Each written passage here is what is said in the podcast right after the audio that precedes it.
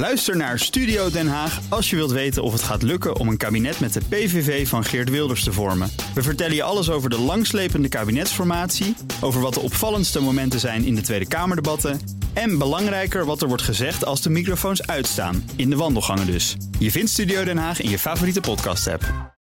De column van Jaap Jansen. De Oktober Surprise. Zo noemen ze in Amerika een plotselinge gebeurtenis kort voor de verkiezingen die in hoge mate de uitkomst kan beïnvloeden. Bij de Tweede Kamerverkiezingen van 2017 had Nederland ook zo'n verrassing. De campagne verliep lauwtjes. In de peilingen zat Geert Wilders, VVD-leider Mark Rutte op de hielen.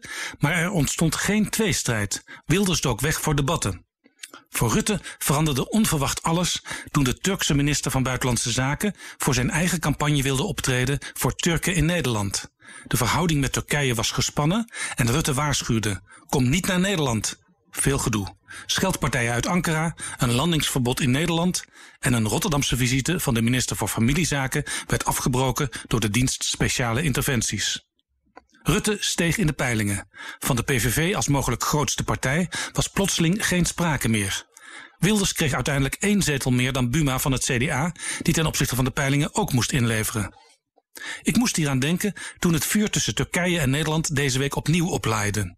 Na de vreselijke moord op een Franse leraar en de felle reactie van president Emmanuel Macron, het oprollen van organisaties en het sluiten van radicale moskeeën, bracht president Erdogan geen medeleven en steun, maar scheldkanonades.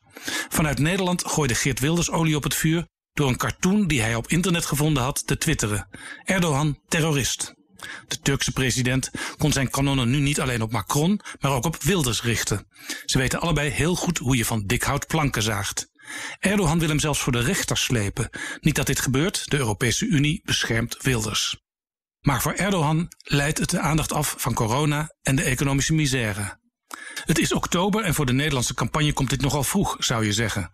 Toch werd het commentaar van Rutte, een boodschap voor president Erdogan, recht in de camera kijkend, live uitgezonden via VVD-TV, het campagnekanaal van de Liberalen. Alles voor de vrijheid van meningsuiting en terecht. Rutte is opnieuw de staatsman en niemand kan het met hem oneens zijn. Prettige bijvangst voor de VVD-campagne is dat het niet meer volledig over Wilders gaat, maar vooral over de minister-president, die namens Nederland met gezag zegt waar het op staat. Net als in 2017.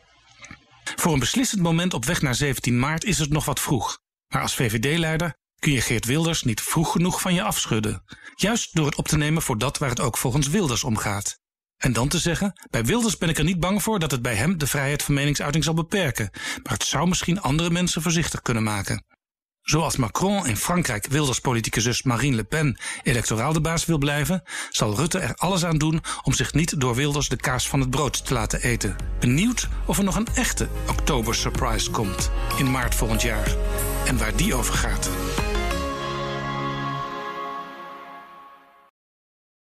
Ook Hugo Reitsma vind je in de BNR-app. Superhandig die BNR-app. Je kunt alle programma's live luisteren, breaking nieuwsmeldingen. Je blijft op de hoogte van het laatste zakelijke nieuws. En je vindt er alle BNR-podcasts, waaronder natuurlijk de belangrijkste, Boeken zijn in de wijk. Download nu de gratis BNR-app en blijf scherp.